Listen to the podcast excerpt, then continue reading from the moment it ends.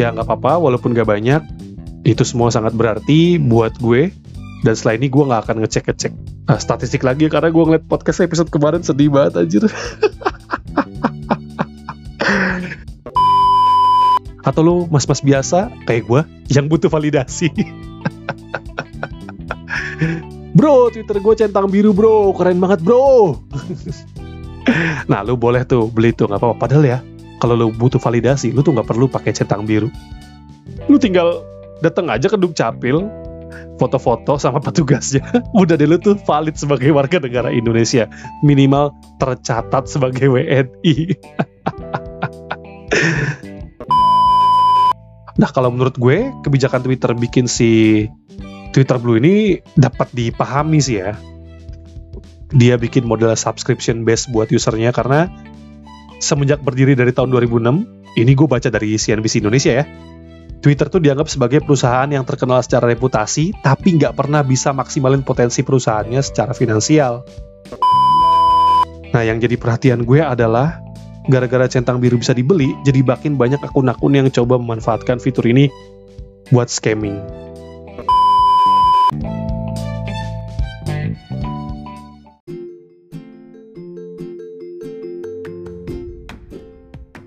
Halo semuanya, selamat datang di podcast Sandekala sendiri bersama dengan Hanifan Satria. Sebelumnya gue mau ngucapin makasih banyak buat lo yang udah dengerin Bincang Sandekala dari tahun 2017. Meskipun gak banyak ya, lu semua tuh berarti banget bagi gue dan juga Ibnu pada saat itu karena dulu kita tuh sering banget liatin statistik pendengar. Nah, kita tuh dulu suka mantau nih berapa orang yang dengerin, berapa orang yang klik play, belum ada semenit terus cabut. dulu gue sering liatin tuh kayak gitu-gitu tuh.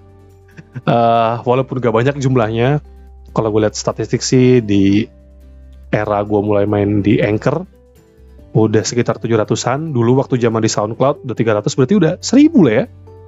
Udah ada 1000 orang yang ngeklik play. Gue nggak tahu tuh apa gue sering ngeplay tiga kali buat ngecek terus hitung juga atau apa. Ya nggak apa-apa walaupun gak banyak itu semua sangat berarti buat gue. Dan setelah ini gue nggak akan ngecek-ngecek Nah, statistik lagi karena gue ngeliat podcast episode kemarin sedih banget anjir.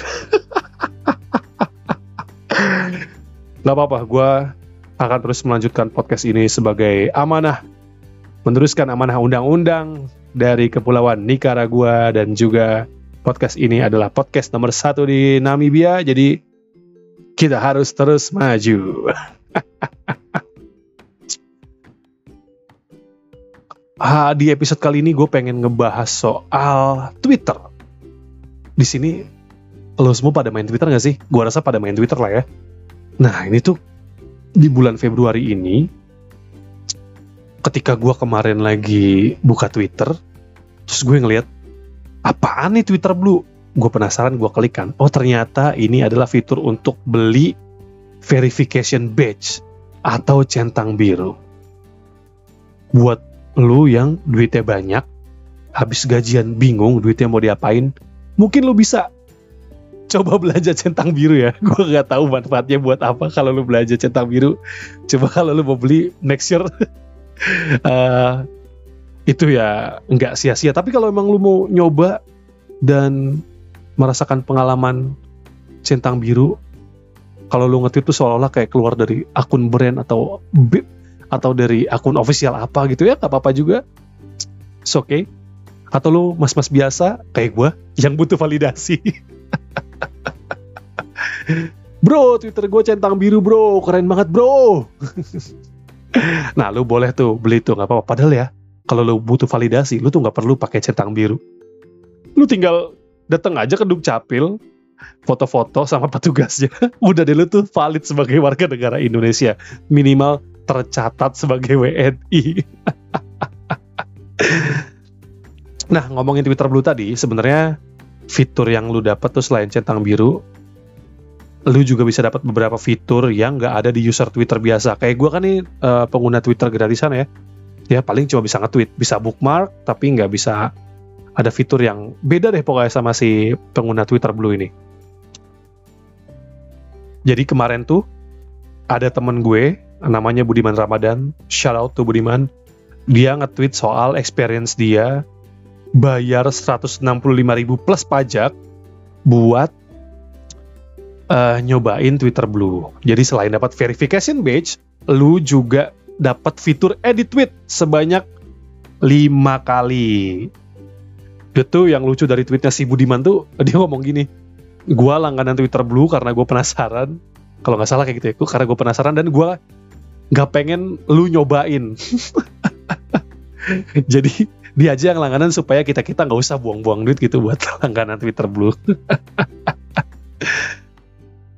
Jadi kata dia, uh, beda nih Twitternya, uh, fiturnya. Jadi kalau misalnya kita mau nge-tweet, sebelum si tweet lu dipublish nih, dia akan munculin kayak semacam reminder. Reminder supaya lu yakin gak nih lu bakal nge-tweet ini? Jadi lu dikasih kesempatan untuk berpikir dua kali. Ketika lu yakin lu bisa langsung klik tweet. Nah, setelah lu uh, apa namanya? ngeklik si tombol tweet tadi dan tweetnya di terpublish gitu ya lu bisa punya kesempatan untuk ngedit lima kali misalkan lu lagi bete banget gitu ya sama bos lu terus lu nge-tweet nah bos anjing revisi bulu lagi. Mau ada yang gak jelas goblok. Misalnya lo bis nge-tweet gitu ya. Nah kalau pakai si fitur Twitter Blue ini ketika lo merasa ah, Twitter gue gue takut dibaca nih sama bos gue atau gue takut dibaca sama peer gue di kantor atau ya gitu-gitu deh. Lu lu merasa tidak nyaman dengan tweet lu lu bisa edit. Jadi kalau tadi maki-maki lu bisa mengganti dengan kata-kata yang lebih bijaksana. Misalnya hmm bos yang sangat cerdas sekali revisi mulu revisi mulu untung dikasih direction. Jadi tweet uh, lu bisa ngedit tweet ini lima kali. Ketika lu ngerasa ini udah nggak layak tayang ya udahlah. Lu edit aja lu uh, sesuaiin dengan kata-kata yang lebih bijak gitu ya, supaya nggak terlihat blunder. Lu bisa cobain nih Twitter Blue apalagi untuk orang yang ya kan ada ada kan yang model-model orang yang uh, harus melampiaskan amarahnya di Twitter gitu termasuk gue gue juga suka nyampah di Twitter Lanjut, fitur berikutnya adalah lu bisa posting video dengan durasi lebih panjang. Buat rakyat jelata, kayak gue, uh, kita tuh bisa upload video maksimal 140 detik atau 2 menit 20 detik. Bener gak ya? Iya bener, 2 menit 20 detik. Nah, kalau pelanggar Twitter, eh pelanggar lagi. Kalau pelanggan Twitter Blue ini, lu bisa upload video dengan durasi hingga 60 menit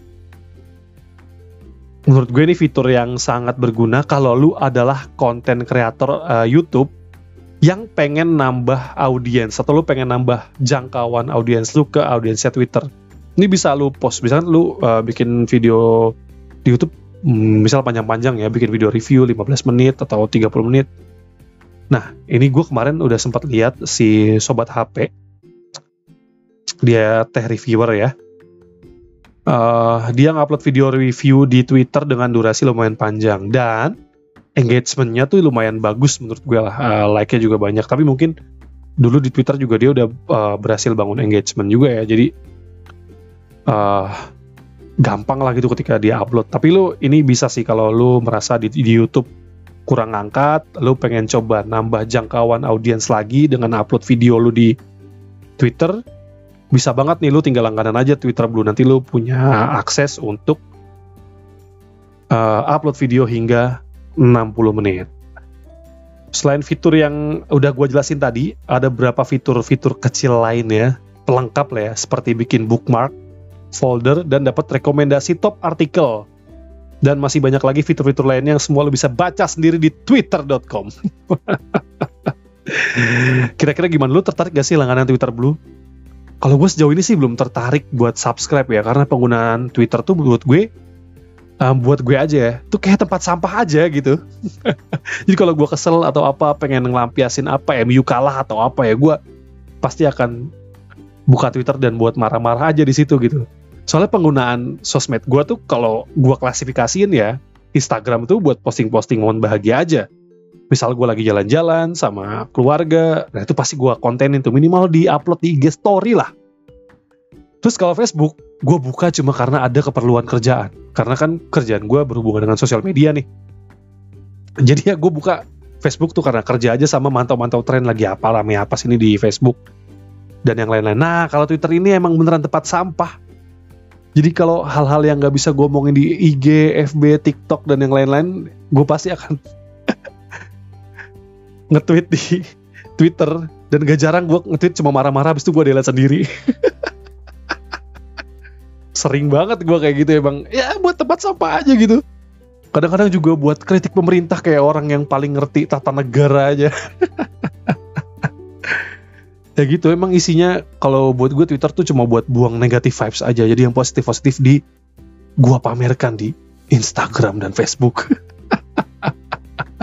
Kalau menurut gue gue dengan harga 165 ribu dan belum sama pajak menurut gue nggak worth banget. Kalau menurut gue 165 ribu mending gue beliin mainan dinosaurus saya buat anak gue deh. Kemarin gue bisa beli di KKV ada tuh mainan dinosaurus 65 ribu. Nah gue bisa dapat dua tuh kayak lebih malah ya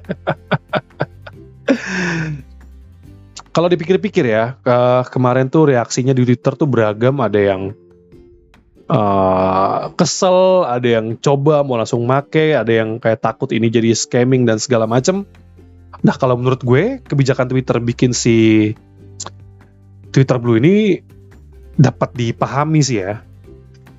Dia bikin model subscription base buat usernya karena semenjak berdiri dari tahun 2006, ini gue baca dari CNBC Indonesia ya, Twitter tuh dianggap sebagai perusahaan yang terkenal secara reputasi, tapi nggak pernah bisa maksimalin potensi perusahaannya secara finansial.